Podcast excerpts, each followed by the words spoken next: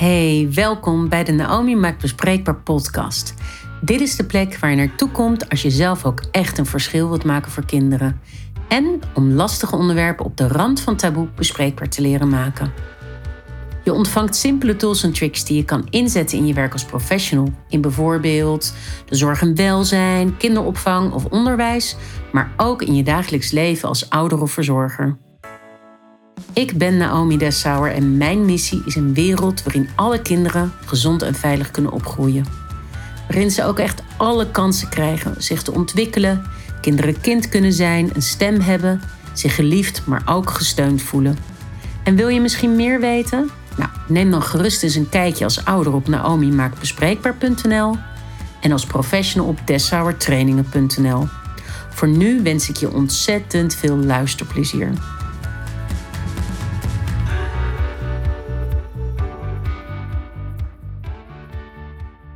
Wat leuk dat ik weer met Sanderijn van der Doef in gesprek mag gaan. En deze aflevering echt, is echt speciaal voor ouders en verzorgers.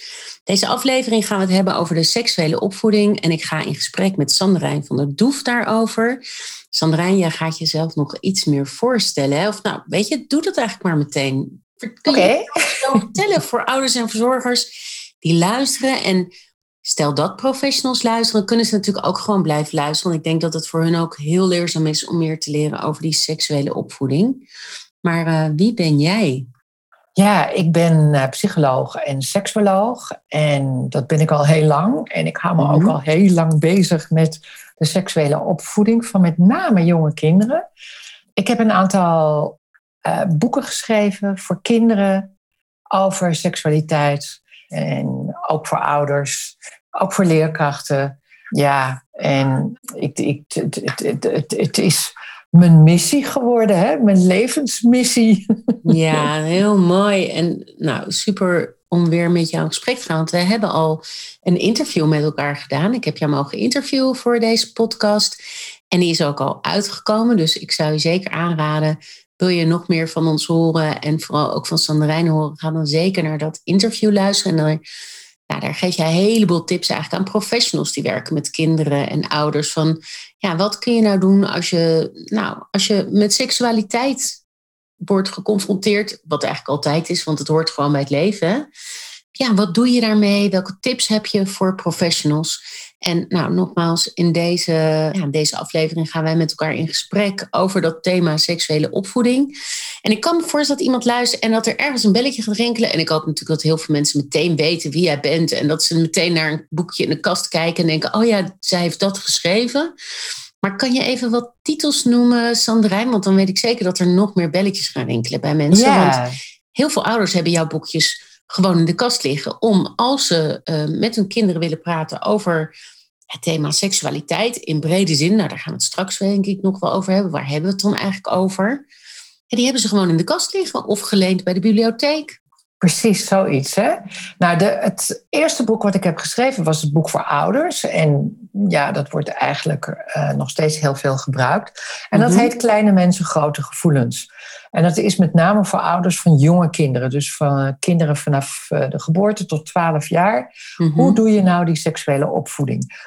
En eigenlijk vrij snel daarna is mijn um, volgende boek uitgekomen. Um, en dat heet Ben jij ook op mij? Nou, dat is het meest bekende boek geweest en geworden.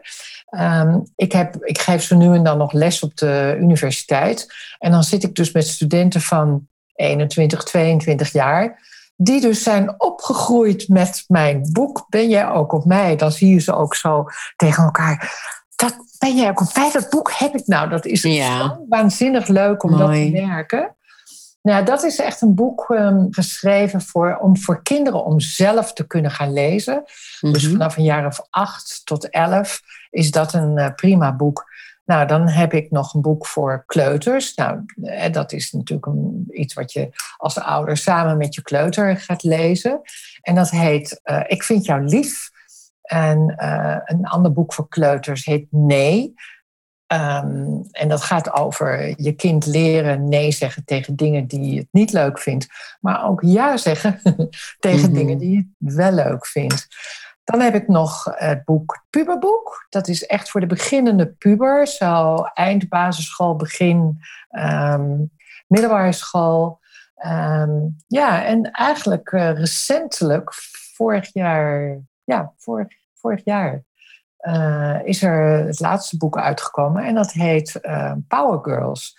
En dat is echt voor meiden uh, jonge meiden tussen de 12 en 15 over hun lijf, hun specifieke uh, seksuele ontwikkeling van meisjes, hoe ze met hun seksualiteit kunnen omgaan, ja. uh, eerste seksuele ervaring, maar ook hoe ziet hun vulva eruit en waar dient het eigenlijk voor en hoe kun je seks op een gegeven moment, als je daaraan toe bent, hoe kun je dat nou leuk en lekker maken voor jezelf? Dus het, het is eigenlijk een, ehm, een oproep om vooral met jezelf eens bezig te zijn. Want vrouwen hebben en meiden ook ehm, zo de neiging, en zo worden we ook opgevoed vaak, mhm. om vooral heel zorgzaam en oplettend naar de partner te zijn. De ja, ander. dienend zou ik haast willen zeggen. Precies, precies heeft hij het wel leuk? Vindt hij dit wel goed? Vindt hij het lekker? Um, nou ja, en, dan jezelf vergeten. Ehm, en dat is gebeurd dus ook bij de seks, gebeurt ook gewoon in, het, in, in de relatie. Uh, er, er, is ook een heel beroemd boek door een Amerikaanse ehm, vrouw geschreven. Als hij het maar leuk vindt. Mm. dus lekker eten maken, zorg dat het huis mooi is en aan kant is, zodat hij het maar leuk vindt. En dat, dat speelt door in, ehm, ook in de seksuele relatie. Ja. ja. En dat is natuurlijk iets, nou ja, in dat boek, de Power Girls, roep ik ook op, je bent er zelf ook nog. En je kunt, uh, seks is ook voor jou leuk en lekker. Um, maar ja, op een, daar moet je andere dingen voor doen dan hè, wat een jongen moet doen. Of een man moet doen om het leuk en lekker voor zichzelf te maken. Ja, dus het is echt een soort praktische levensgids voor pubermeisjes. Om ja, hen te helpen in die stappen naar volwassen worden. En ja. ook een stukje ja, lichaamszekerheid mee te geven. Dat hoor ik ook. Ja. ja. Ja, nee, zeer. Ik ben er ook wel trots op, moet ik zeggen, op dat boek. Ik heb het samen met uh, Ellen Laan, professor Ellen Laan, geschreven. Nou, dat is helemaal een voorvechter voor de, met dit onderwerp. En die is ook wel regelmatig in de, in de media daarover. En ja, het, um, ik, ik ben blij dat we dit samen hebben kunnen schrijven, omdat ik het ook een heel belangrijk onderwerp vind. Ja. Ah, mooi. Dank je wel dat je hebt voorgesteld en dat je ook meteen iets hebt verteld over je boeken. Ja. En ik, um, want ik kan me voorstellen dat mensen meteen zich daar ook in gaan verdiepen en doe dat, want ik kan ze aanraden. Er liggen zeker ook een aantal bij mij in de kast, zoals je weet, Sandrijn, die we regelmatig lezen met, uh, met onze dochters van nu vijf en zeven. En ik ben eigenlijk even benieuwd voor ouders die luisteren en die denken, ja, die seksuele opvoeding, en zullen we het zo misschien eens over hebben. Wat is nou die seksuele opvoeding? Maar heb je al meteen een soort Uber-tip of zo? Een tip waarvan je denkt, ja, die wil ik ouders gewoon meteen meegeven. Dan hoeven ze niet bewijs van nog drie kwartier te wachten. Maar dat ze meteen denken, ah, hier, daar staat Sandrijn voor. En dit, ja. dit vindt ze belangrijk. Ja, nou ja, dat, dat, dat is eigenlijk het, het, um, de belangrijkste tip die ik overal en nergens en altijd maar verkondig, is begin er zo vroeg mogelijk mee. En nou schept dat wel wat verwarring hoor. Ik bedoel, als ik zeg begin nou zo jong mogelijk met die seksuele opvoeding. Want jonge kinderen um, vinden dit nog een veel gewoner op, onderwerp dan wanneer ze ouder worden. Dan, hè, dan uh, vinden ze het raar of, of hm. hebben ze nee, Je wordt niet geboren met schaamte hè, rondom dit thema. Nee, nee, nee, precies, precies. En jonge kinderen luisteren daar ook nog naar. Uh, als jij daar iets over vertelt of als je het daar met ze over wil hebben. Ze vinden veel meer dingen nog heel gewoon, want alles is nieuw en gewoon in het leven mm -hmm. nog. Ehm, dus dat is een van de redenen waarom het makkelijker en beter is om daar zo jong mogelijk mee te beginnen. Maar wat de verwarring die zich voordoet, en dat zal jij misschien ook wel hebben als je zoiets zegt, is dat dan onmiddellijk daarna ouders zijn die zeggen: Ja, maar hallo, moet een kind van drie of vier dan al ehm, alles weten over uh, hoe een baby gemaakt wordt en uh, hoe, uh, hoe grote mensen vrijen en seks hebben. Ja. En nou ja, daarom zo'n tip, als je dat zegt van begin nou zo jong mogelijk, moet er ook altijd wel uitgelegd worden. En eigenlijk rollen we zo een beetje automatisch al in, de volgende, in het volgende onderwerp, wat jij heel graag wil aankaarten. Wat is nou die seksuele opvoeding? Die seksuele opvoeding is niet alleen maar praten over de voortplanting, hoe babytjes gemaakt worden, waar ze vandaan komen. Het is veel en veel meer. En heus dat ene onderwerp, de babytjes en zwangerschap, uh, en hoe ze gemaakt worden, dat is maar een klein onderdeel. Seksuele opvoeding gaat over het leven. Het gaat ook over omgaan met elkaar. Over uh, aardig zijn voor elkaar. Hoe kun je het prettig maken voor elkaar? Um, als je een, een vriendje, vriendinnetje hebt, ook op jonge leeftijd, vrienden, vriendinnen, hoe kun je daar nou leuk mee omgaan? Um, wat zijn nou verschillen tussen mensen, maar wat zijn ook overeenkomsten tussen mensen? Wat voel ik zelf als ik iemand aardig vind en wat voel ik als ik iemand niet aardig vind? En wat voel ik als ik iemand heel erg aardig vind? Weet je, dat, dat dan gaat het over emoties. Het heeft zoveel aspecten dat mhm. juist die andere, hè, dat, dat, dat, dat uh, ene onderwerp waar iedereen best wel tegenaan zit te hikken hoef je nog niet meteen mee te beginnen. Er zijn zoveel andere, veel makkelijkere onderwerpen waar je op hele jonge leeftijd al mee kan beginnen. En als iemand zegt, ja, maar uh, ik vind het toch wel moeilijk. En is het erg als ik, uh, mijn kind is nu al wat ouder, zit al op de basisschool, is het dan erg dat ik nog niet begonnen ben? Dan zeg ik, don't worry, want je bent al begonnen. Zonder dat je het weet, doe jij al aan seksuele opvoeding door een voorbeeld te zijn voor jouw kind. De manier waarop jij met je, met je partner omgaat, de manier waarop jij laat merken aan je partner hoe, jij, hoe je uh, hem of haar aardig lief vindt, hoe je, hoeveel je van elkaar houdt. Dat zijn al voorbeelden die horen bij de seksuele opvoeding. Dus iedereen doet het al op een automatische manier. En wat ik dus bedoel van begin zo jong mogelijk is, wees je daar iets bewuster van. Zodat je ook wat bewustere boodschappen kan geven over wat jij belangrijk vindt voor je kind. Ja, mooi. Wat er voor mij ook zo nog bij hoort, bij dat vroeg begin er zo jong mogelijk mee, hè? Ja. Uh, hoort ook bij dat je als partners onderling het er met elkaar ook over gaat hebben. Dus dat het ook een onderwerp is waarvan je beseft, hé, hey, dit onderwerp bestaat en het hoort erbij, inderdaad. Dus, en, we kunnen het ook samen doen. Ja, ja, ja, nee, zeker. En nou ja, uh, mijn toptip is, een van mijn toptips is vooral, ga er met elkaar over in gesprek. Maak het een onderwerp, ga het gesprek aan. Maak seksualiteit met al die thema's waar jij het over hebt, want je zegt dat heel mooi. Maak dat bespreekbaar met elkaar. En ja, dat zit hem voor mij ook in dat je, dat je lichaamsdelen bij de naam noemt maar ook geslachtsdelen. En dat je met elkaar bespreekt hoe gaan we dat eigenlijk noemen. Of dat je met elkaar erover hebt hoe gaan we eigenlijk om met bloot in huis. En ja, uh, als je naakt slaapt blijf je naakt. Als je kinderen op een gegeven moment bij je in bed kruipen op zondagochtend. En hoe, hoe kijk je daarnaar? En dat je met elkaar uitwisselt over goh, hoe ben jij eigenlijk opgevoed met het thema seksualiteit? En waar voel jij je prettig bij? En ja, dat is niet altijd heel vanzelfsprekend dat partners dat met elkaar eigenlijk uitwisselen. Waardoor ze merken wel in de, ja, een beetje in de onder, onder vibe, of hoe moet je dat noemen, een beetje onderhuid, wel merken van, oh, dat ligt gevoelig bij mijn partner. Ja, die praat er niet zo over.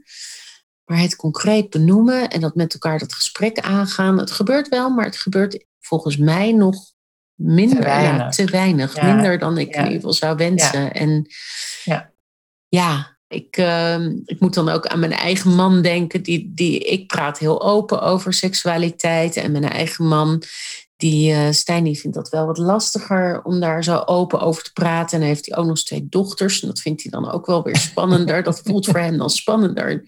Dan als, als we twee jongens zouden hebben. Dus, uh, En ja, ik vind het zo waardevol. Ik vind het ook een soort van complimenten aan mijn eigen man hoor, wat dat betreft. Dat hij dat gesprek dus wel altijd met mij aangaat. Nou, bijna altijd. Heel soms ja. bijna altijd. En ja. nou ja. Ehm, maar weet je wat dan ook wel. Ehm, het, ik denk dat een aantal ouders die nou luisteren, uh, dit dan uh, ook kunnen meemaken. Um, stel nou dat je het niet eens bent met elkaar. Ja. weet je, uh, de een slaapt naakt in bed en de ander vindt dat vervelend en wil wel iets aan hebben.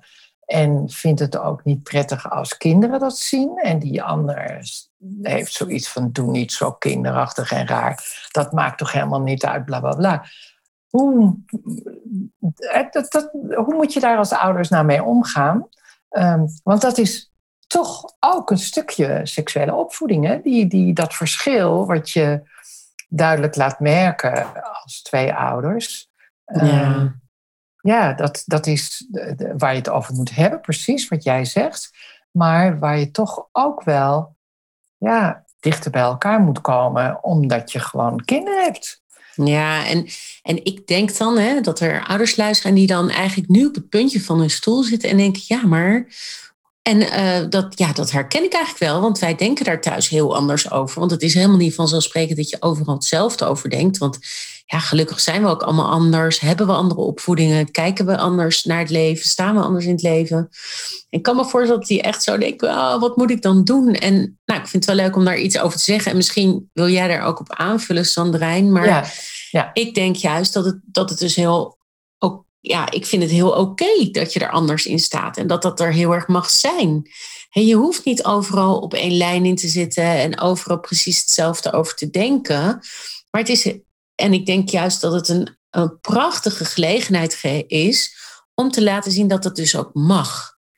En daarin kun je je kinderen dus heel mooi iets meegeven over toestemming, hè, over consent, toestemming, over grenzen, over wat is van mij, wat wil ik bij mij houden, wat is privé, wat, wat, ja, wat is van mij en wil ik niet delen met iemand anders. En dat dat ook niet zegt dat je niet heel erg houdt van elkaar als je het af en toe niet met elkaar eens bent. Nee, zeker niet. En ik vind, ik ben het helemaal een beetje eens, Naomi, maar uh, ik vind ook dat je dit als ouder, als een van de twee ouders zich niet prettig voelt bij het gedrag van de ander, dat je het daar ook over moet hebben en dat ook moet laten merken. Ja, daar voel ik me niet comfortabel bij als jij ehm, in je naki blijft liggen of opstaat en ehm, eh, de kinderen komen, kruipen, komen bij ons in bed ik, ik noem maar iets. Hè? Ja. Ehm, en uh, ondanks dat de ander dan zegt, nou, doe niet zo kinderachtig, vind ik dat die ook open moet staan voor ja, een andere achtergrond, een andere manier van opvoeden, een andere historie dan jij hebt gehad. Dus ja, dat openstaan voor elkaar en begrip hebben voor ehm, het ongemak wat een van de twee zou kunnen hebben, dat is denk ik belangrijk. En dat is de uh, belangrijkste basis om weer verder te kunnen gaan. Ja. Als jij over je ongemak heen moet stappen, is moeilijker dan wanneer iemand daar rekening iemand die rekening moet houden met andermans ongemak, dat is makkelijker. ja, en wat ik ook nog daarover denk, ik vind het mooi hoe je het zegt, en wat ik er ook nog over denk, is ja, het is ook een echt een mooie leerschool voor kinderen om dus te leren van, oh ja, uh, stel, hey, je, je doet eigenlijk voor van hoe ga je om als je een relatie met iemand hebt of als je met iemand samen bent, hoe ga je ermee om als je ergens anders in staat? En niet, ik zeg niet dat je dit dan helemaal moet uitwerken en uit moet spelen en met de kinderen erbij helemaal moet overleggen. Maar het is natuurlijk wel heel mooi als je als ouders op een gegeven moment ook ergens je oké bij kan voelen. Hè? Mama loopt bloot in de badkamer rond en die, die doucht en die zegt de kinderen mogen gewoon binnen en uh, papa bijvoorbeeld vindt dat niet prettig. Hè, dan is het hartstikke mooi als je aan de kinderen kan vertellen, als de kinderen zeggen, ja maar bij mama mogen we gewoon binnenlopen en bij jou niet. Ja, dan is het heel mooi als, als papa in dit geval zou kunnen zeggen, nou ja, ik vind dat zelf niet prettig en mama vindt dat wel prettig. Dus ja, daarom hebben we de regel dat als ik aan het douchen ben, dat jullie niet zomaar komen binnenlopen. En als mama aan het douchen is en je weet dat mama aan het douchen is, dat het helemaal oké is dat jullie binnenkomen lopen. Precies. Ja, dus, en, ja. Nou, en daarin leef je dan, denk ik, ja, ben je een heel mooi voorbeeld en leer je kinderen dus iets over ja. verschillen, grenzen, al dat soort dingen. En je leert kinderen om naar hun eigen gevoel te luisteren. Als ik iets niet prettig vind, mag ik dat dus zeggen. Dat is de boodschap die gegeven wordt. En je zou hem zelfs nog letterlijk kunnen zeggen hè, op een gegeven moment aan je kind van, hè, dit is, hè, wij, zijn, wij staan er allebei iets anders in ik vind dit fijn en dat vindt mama fijn. Of dit vind ik fijn en dat vindt papa fijn. Hè? Dat maakt niet uit wat voor gezinssituatie het is. Of misschien is het een moeder met een stiefvader. Hè? Dat, eh, of een, of, een nieuwe partner. Of twee mama's of twee papa's. Nou, het kan van alles zijn. Inderdaad, daar wilde ik naartoe. Het kan van alles zijn. Uh, maar je kan er natuurlijk op een gegeven moment... Ook daar kan je gewoon dat letterlijk zeggen. Van joh... En ook voor jou, als jullie op een gegeven moment iets, iets wel of niet fijn vinden, mag je dat dus ook altijd zeggen. Ja. Precies wat jij zegt. Ja, ja, ja, ja. Ja, ja. mooi. En voor jou is die seksuele opvoeding ontzettend belangrijk. Je bent daar een voorvechter van, hè, Sanderijn. Al van, het, van het eerste uur, uh, hey, toen ik uh, nog jong was, begon je er al mee om dat op de agenda te zetten. En, en dat doe je nog altijd. En ik vind het ook ongelooflijk belangrijk en misschien wel leuk om met elkaar eens van gedachten te wisselen. Van, waarom vinden we dat nou zo belangrijk? Waarom blijven we daar nou over doorgaan? Waarom proberen we ouders daar continu in te inspireren, tips in te geven?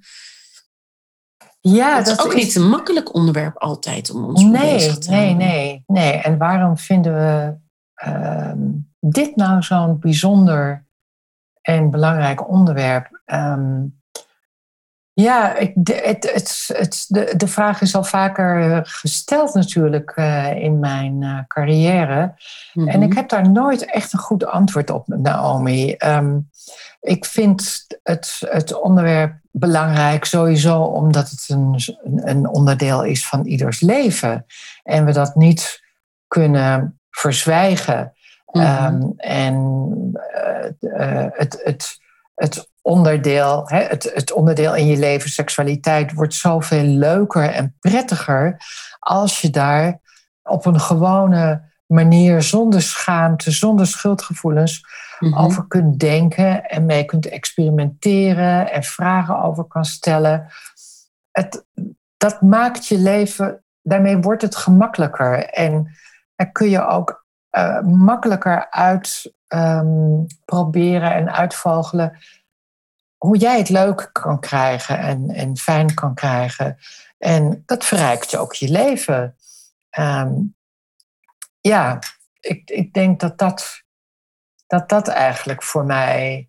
Hè, ik, ben een, uh, ik kom uit een andere generatie dan jij. En um, mm-hmm. ik heb aan mijn ouders, de generatie van mijn ouders, heel erg gezien. Die komen echt uit een generatie waarin um, ja, dat allemaal toch wel heel onbespreekbaar was. En dat in hun leven, tijdens, hè, toen zij uh, gingen trouwen en kinderen gingen krijgen, ging dat veranderen.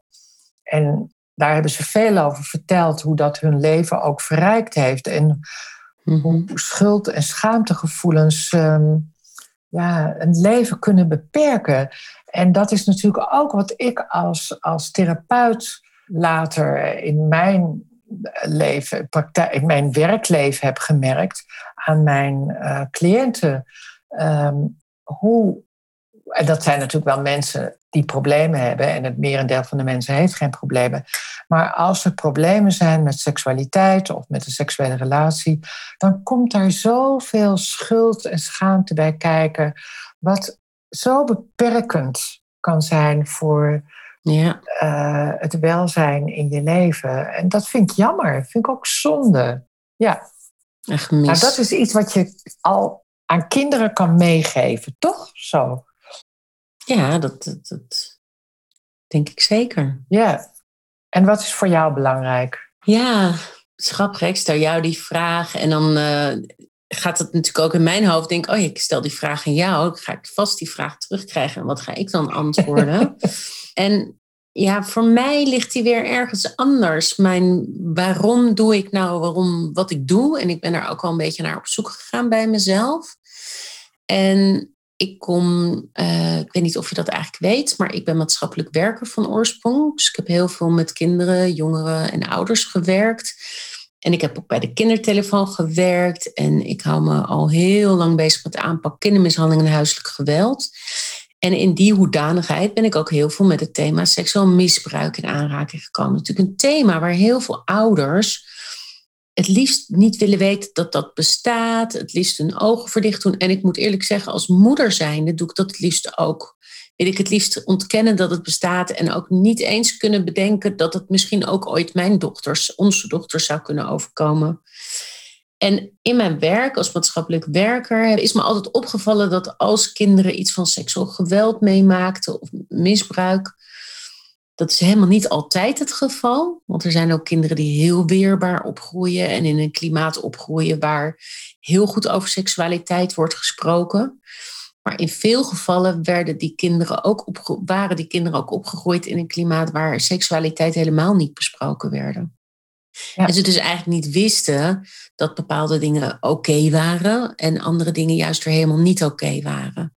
En bijvoorbeeld niet leerden om te praten over leuke en prettige seksualiteit, maar ook wisten, ik mag ook praten over dingen als ik me zorgen maak, als ik wakker lig, ergens van, als ik iets niet snap of moeilijk of pijnlijk of wat dan ook vind.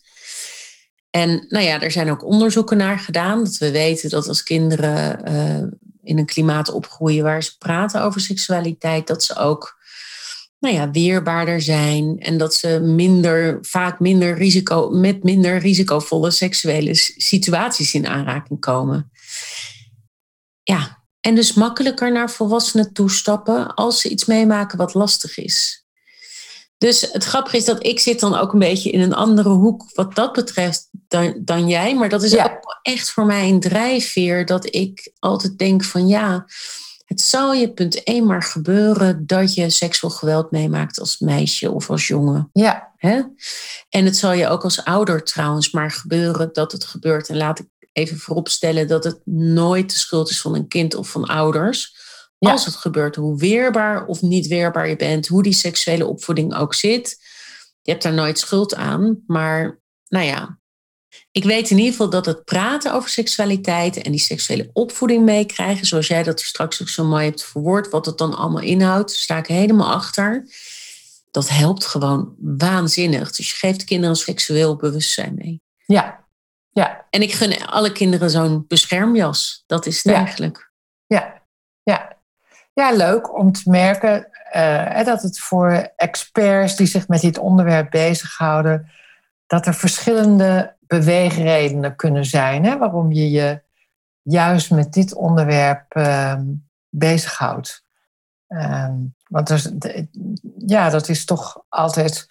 Ik denk dat dat ook goed is hoor, om als expert daarover na te denken. Waarom uh, focus jij je nou zo op dit onderwerp? Ja, wat is en je waarom vind je dit belangrijk? Ja, ja. Maar goed, we, we, we praten tegen ouders. Hè? We praten nu even niet tegen de professionals. Nee, we praten tegen ouders. En laten we eens. Wat, wat willen we ouders nou meegeven? We hebben ze stiekem al heel wat meegegeven. Hè? We hebben meegegeven. Begin er zo jong, jong mogelijk over. We hebben ook uh, ze meegegeven al dat het niet altijd praten met is, maar ook hè, dat je het klimaat eromheen schept. Dus een soort omgeving schept waarin seksualiteit er mag zijn in allerlei verschillende gedaanten en vormen. Ja, dat klinkt een beetje gek hoe ik het nu zeg, maar ik bedoel, je kunt erover praten, je kunt een voorbeeld zijn, je kunt dingen bij de naam noemen, dat soort zaken. Ja. We hebben wel meer genoemd, maar wat kunnen we nog meer ouders meegeven? Want ouders worstelen best wel vaak met hoe doe ik dat nou gewoon praktisch? Ja, nou, jij, jij hebt, um, jij hebt een, een, een, een e-book met tien tips, uh, waar geweldige tips, goede praktische tips in staan. Dankjewel. En uh, daar ben ik het ook helemaal mee eens met die tips. Ik zeg vaak tegen ouders: doe het nou maar gewoon. En wees niet bang dat, dat, je, dat, dat je soms niet weet wat voor woorden je eh, hoe je iets moet noemen. Je mag best ook aan je kind laten merken dat je soms iets niet weet. Dat je niet weet hoe je het moet zeggen. Je mag zelfs ook gewoon zeggen: Nou, ik vind het eigenlijk best wel moeilijk om hierover te praten, maar ik vind het wel goed als we het doen.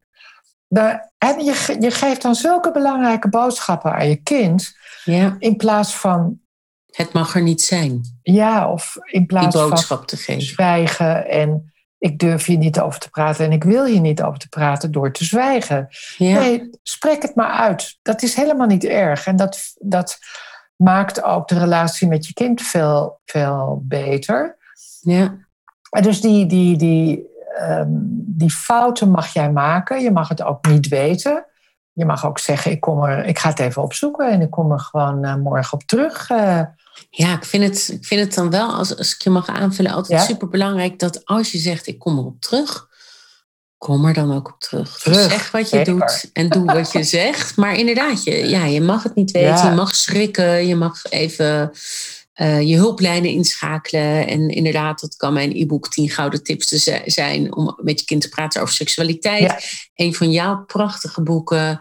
Er is heel veel informatie bekend. Hè? Ook de JGZ heeft allerlei mooie folders Ja. ontwikkeld, bijvoorbeeld Ja. voor ouders. Ja. En, Ja. en je, eh, soms helpt het om een vriendin te bellen of een vriend te bellen. En is de overleg, ja, hoe deden jullie dat eigenlijk? Of hoe, kan ik daar nou woorden voor vinden? Of met je partner, als je die hebt te overleggen. Dus ja, supermooi inderdaad. Van, van je mag het wel eens niet weten. Een hele mooie tip. Nou ja, verder, een van de tips die ook in jouw e-book staat en die ik ook altijd gebruik, is: ga er niet voor zitten. Ja, die wou ik ook inderdaad zeggen. Van die haakjes. Ja. Ja, maak het niet een te serieus gesprek. Ehm, het kan heel ongemakkelijk worden hè, voor een kind als jij zegt: Oké, ga zitten, want ik moet eens even wat bespreken met je. Ik heb je de vorige keer verteld eh, in ons vorige gesprek hoe mijn eigen seksuele voorlichting is verlopen. En dat was een heel serieus gesprek. eh, waar mijn moeder echt, de, ze heeft het fantastisch gedaan, maar het was gewoon serieus. ja. Eh, waardoor ik toch een beetje zenuwachtig werd van... wow, wat ga, wat ga ik te horen krijgen? En nou, toen bleek dat ze helemaal niet gingen scheiden... of geen ernstige ziekte hadden... maar dat ze alleen maar wilden gaan praten over de, waar de babytjes vandaan kwamen. Toen was ik eigenlijk zwaar teleurgesteld. Eh, nou, is dit alles? Dus Ja. maak er een... en ga niet, zeker niet in een apart gesprek tegenover elkaar zitten... Ehm, omdat het daarmee heel ongemakkelijk wordt. En het moet gewoon een gemakkelijk, los gesprek zijn en blijven. Eh, Ja. Dus dat betekent, als je, als je even tussen de regels door, tussen de bedrijven door iets daarover zegt en je merkt dat je kind, de aandacht van je kind alweer afdwaalt, dan is het genoeg geweest. Dan ga je er de volgende dag weer op verder of een andere keer wanneer je denkt dat het weer kan. En dan zeg je niet tegen je kind: Kom even terug, want ik ben nog niet klaar met wat ik te vertellen heb. Je kind geeft zelf aan of het interessant is of niet interessant. eh, ja. En waar het aan toe is, hè? ook. Ja, Ja. Ja. ja, en ook zo mooi, want eh, eh, het leven ge- geeft ook allerlei momenten eigenlijk als Ja. vanzelf. ja, Heb je allerlei momenten in het leven die je eigenlijk kunt aangrijpen om het er inderdaad over te hebben zonder dat je moet gaan zitten voor de talk, hè, Ja. zoals jouw Ja. voorbeeld was. En uh, ja, en er zijn gewoon superveel dingen die je kunt aangrijpen. Iets wat gebeurt op social media of iets als er iets wordt verteld over een kind in de klas of een familie om je heen. Of um, iets waar je kind kan misschien zelf een vraag stellen. Of, een tv. boek wat je leest. Inderdaad, op de tv. Uh, goede tijden, slechte tijden geeft al superveel aanleidingen aan om het over van alles te hebben. Want daar zitten heel veel issues rondom seksualiteit uh, ook in. Ik volg het al jaren niet meer, maar of zo op de zijlijn krijg ik dat nog altijd wel een beetje mee. En ja, heel mooi om dat aan te grijpen. En inderdaad, ga er niet voor zitten. Dus ga lekker met elkaar de hond uitlaten of in het bos lopen of in de auto. He, ook dat je elkaar niet dit hoeft aan te ja, kijken. Ook. precies, zoiets. Ja, ja. En gebruik een aanleiding eh, uit het dagelijkse leven, precies wat jij zegt, om het gesprek te beginnen. Want dat is wel wat ik vaak van ouders te horen krijg. Ja, maar hoe begin ik nou? Ja. Um, want dat begin is meteen zo ongemakkelijk. en nou ja, dat, dan helpen inderdaad ja, gebeurtenissen in het dagelijkse leven die je kan aangrijpen, die kunnen dan helpen um, om een start te maken. En god, wat ik nou toch net gelezen heb, of wat ik. Uh, uh, uh, die reclame waar we nu naar zitten te kijken, weet jij waar dat voor is? Nou, allemaal Hè, of heb je gehoord dat uh, die en die een baby krijgt? Nou, een prachtige gelegenheid om het daarover te hebben. Ja. Dus er gebeurt altijd wel wat wat je kan aangrijpen. Dat ja. kan de start zijn om daarna het gesprek verder te voeren. Dan, dat wordt, dan wordt het iets gemakkelijker. Ja, ja heel mooi. En, en ja, ik heb het zeggen, neig om te zeggen en, en, en. Want dan wil ik weer iets aan toevoegen. Maar wat ik er hier nog weer aan toe wilde voegen is... Ja, je mag ook wel... Ik noem het altijd je denkwolkje. Stel dat jij echt je heel ongemakkelijk voelt en denkt... Oh, dan denkt ze, oh, daar komt, je, daar komt mijn moeder weer. Weer. ja, ga daar een beetje, probeer daar woorden aan te geven. Van nou, hè, ik vind het fijn om het hier even met je... Of, hè, inderdaad, grijp het aan als haakje. En ja, geef daar iets van woorden aan. Van nou, ik vind het zelf eigenlijk wel een beetje ongemakkelijk om het er met je over te hebben. Maar ik vind het toch ook zo belangrijk dat je voelt dat we het erover mogen hebben. Ja. Of als stel je hebt nog nooit gepraat over dit soort thema's. En je denkt, ja, na het luisteren van deze podcast, ik moet het nu toch echt eens gaan doen. En je voelt ook de behoefte om dat te doen. Ja, dan mag je natuurlijk ook wel eens een keer gewoon uitleggen. Goh, voorheen heb ik dat eigenlijk helemaal niet gedaan. Heb ik helemaal niet over dit soort onderwerpen gesproken. Maar ja, ik heb eigenlijk besloten dat dat vanaf nu dat dat wel vaker wil. En ik wil je gewoon laten weten dat je altijd met vragen bijvoorbeeld naar me toe mag komen. Ja. Ook al denk je misschien dat ik dat niet wil. Ik vind het eigenlijk heel fijn als je dat wel zou doen. En als ik het dan niet weet, dan zeg Ja. ik het ook. En dan zoeken we het samen uit. Of ik kom erop terug. Of wat dan ook. Ja, ja, Het is Ja. ook een beetje van... Ja, je mag je denkwolken of je belemmeringen ook wel woorden geven. ja, Want Ja. soms zit dat een beetje in de weg vo- voordat je zo'n haakje kunt aangrijpen of zo. ja, precies. Ja, ja? Die, die belemmeringen. ja, ja, Ja, ah, mooi. En dan zijn er ook vaak ouders die tegen mij zeggen van, eh, en dat, dat, die ken jij ongetwijfeld ook, ja, maar mijn kind die rent echt hard weg als ik überhaupt over iets begin rondom seksualiteit. En die heeft ook nooit vragen, die wil het er echt niet over hebben. ja, Of die vindt alles vies eh, als het maar gaat over dat soort thema's, over seksualiteit. Ja, wat kunnen we dat soort ouders, dus kinderen die daar niet voor open lijken te staan in Ja. ieder geval, wat kunnen we die Ja. meegeven? Nou ja, kijk, dit, dit is wel typerend voor de wat oudere kinderen. Ik bedoel, dit, dit eh, merk je eigenlijk nauwelijks bij eh, kinderen onder de 7, 8 jaar. Mhm. staan altijd open. Eh, die vinden het zelfs wel spannend, dit soort gesprekken. Eh, die vinden het ook grappig, moeten er ook allemaal om lachen als jij raar woord gebruikt. En als je piemel zegt en wordt er meteen gegrinnikt enzovoort. Ja. Dus ehm, het, dat is natuurlijk, het is niet voor niks dat wij alle twee zeggen: ge- begin nou zo jong mogelijk, want het is ook makkelijker. Je hebt veel minder weerstand van een kind. Als je dat dus nog nooit gedaan hebt, om wat voor reden dan ook hoor, Mhm. dan wordt het steeds moeilijker. En ja, kinderen eh, rondom de tien jaar. En je hebt nog nooit over dit onderwerp gesproken, of misschien alleen maar een paar keer en verder niet.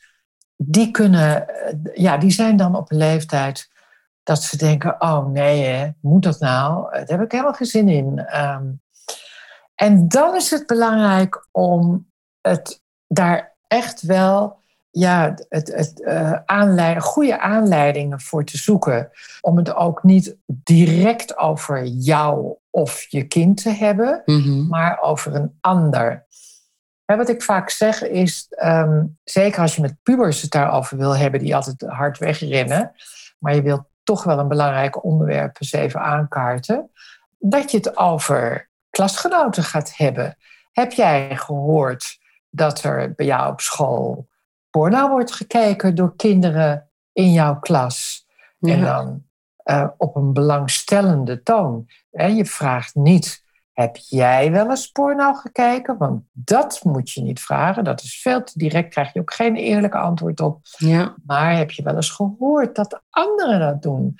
En dan heb je grote kans dat jouw kind wel over die andere kinderen wil praten. En dan kan je ook de vraag stellen, wat, en wat vind jij daarvan?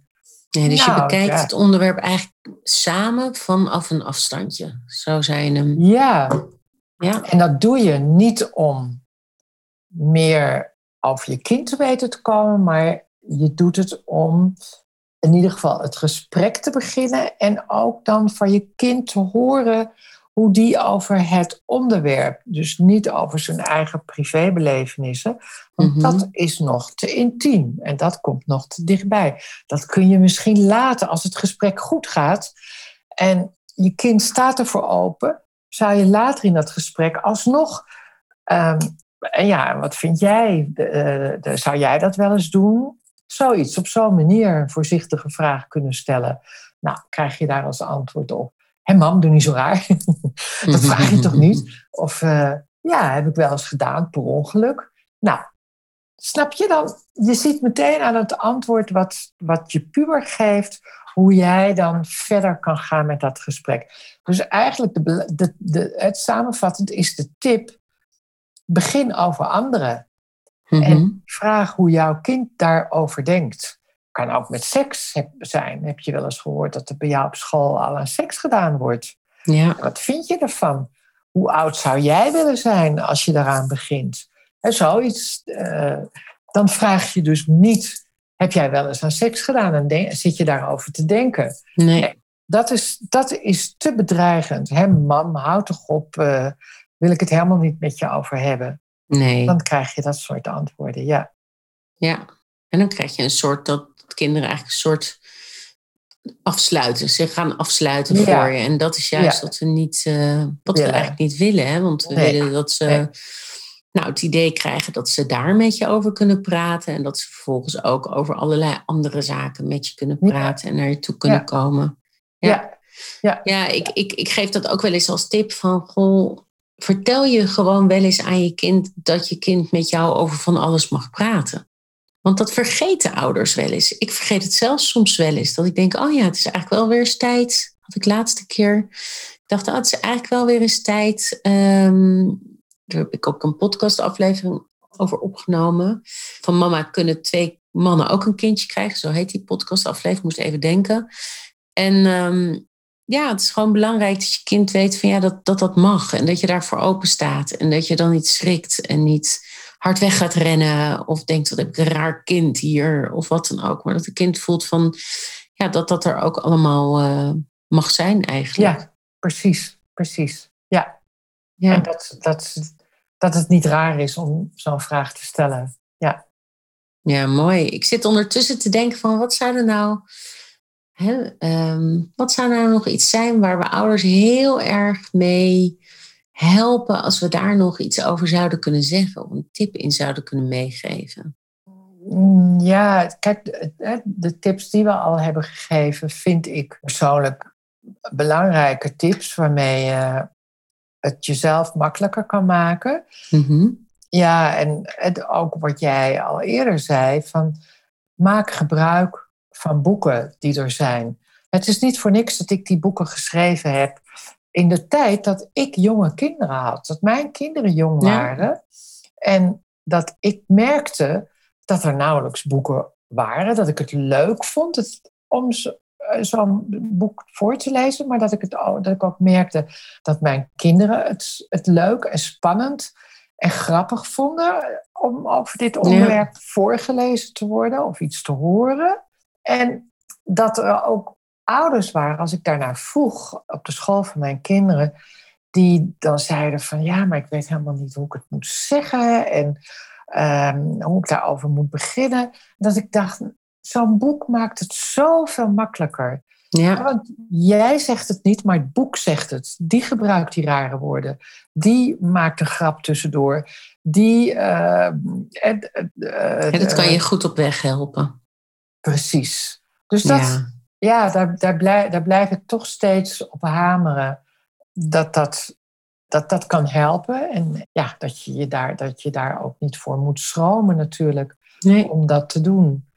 En ook als je kind helemaal zelf kan lezen kan het ook op weg helpen, want je kan het gewoon neerleggen en aan je kind overlaten wanneer die eens zin heeft om even in dat boek te kijken en te bladeren en te lezen. Helemaal niet van hier heb je een leuk boek en ik, nou, daar gaan we het straks eens over hebben. Dan wordt het weer een druk ja. Eh, voor je kind. Ja. Ja, mooi. En naast de boeken die natuurlijk prachtig zijn, die je hebt geschreven, en er zijn ook nog wel meer eh, boeken van andere mensen die ook heel, heel helpend kunnen zijn. Uh, ja, ik heb ook een, een cursus gemaakt, geschreven, gemaakt. Een uitgebreide cursus van elf uh, video's. Dan zit ik gewoon aan mijn keukentafel eigenlijk aan je uit te leggen van hoe kan je dat nou aanpakken, stap voor stap, zo'n seksuele opvoeding. Ja, Waar moet je dan allemaal aan denken? En ja.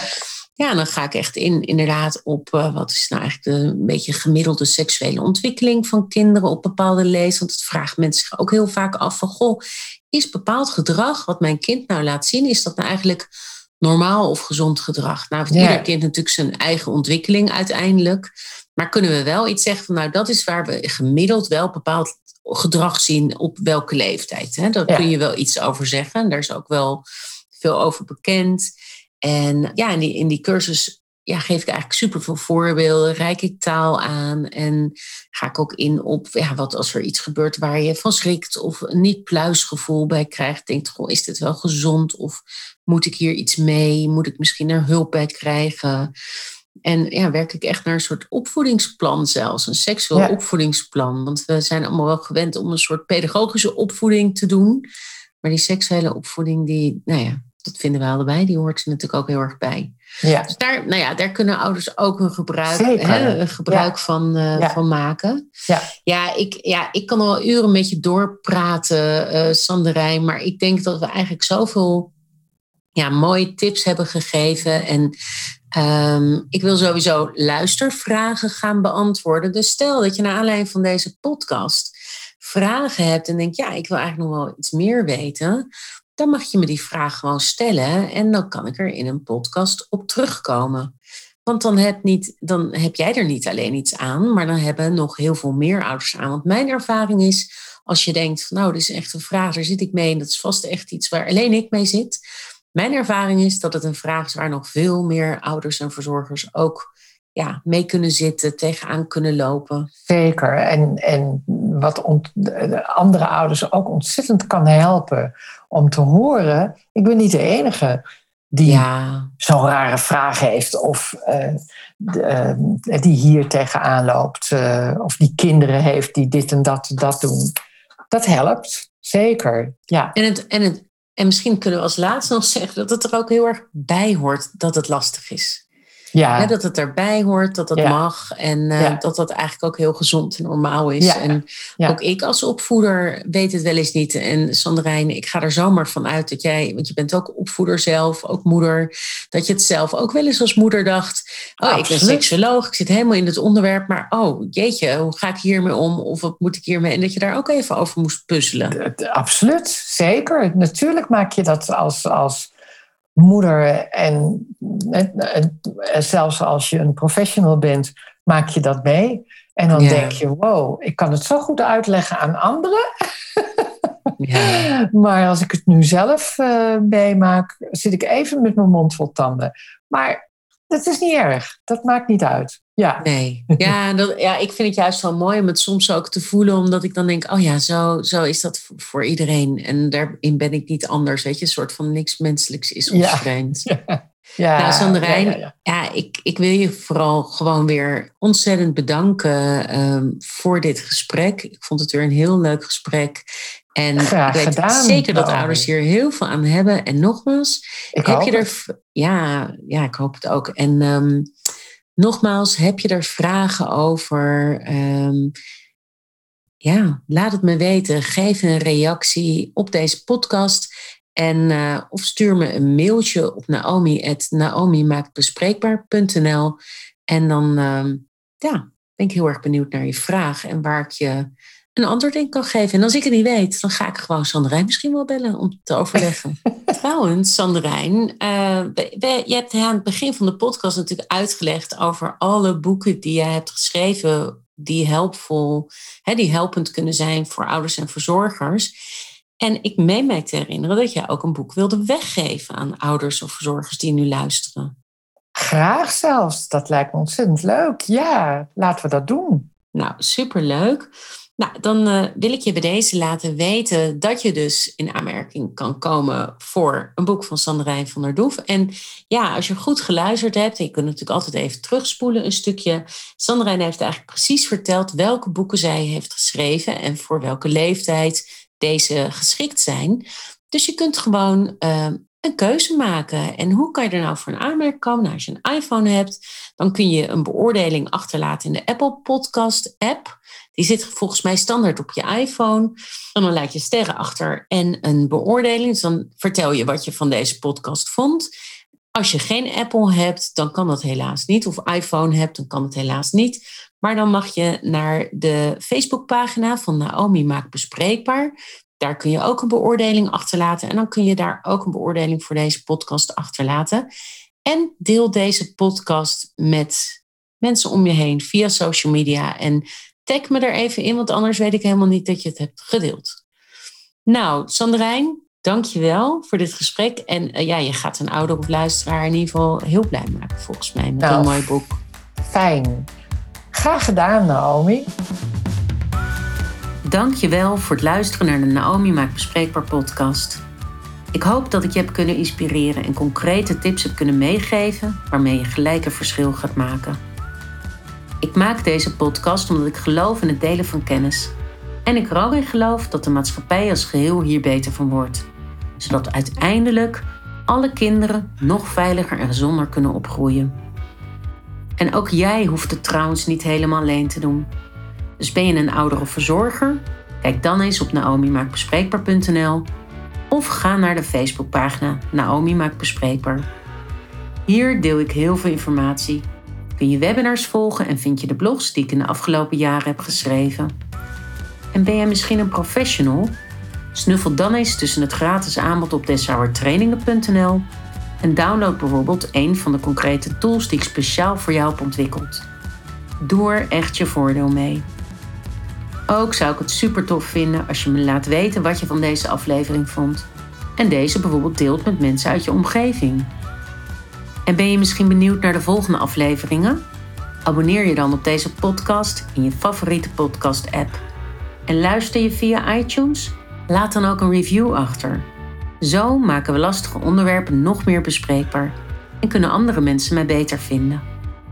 En voor nu wil ik je nog één vraag meegeven. Welk verschil ga jij vandaag maken?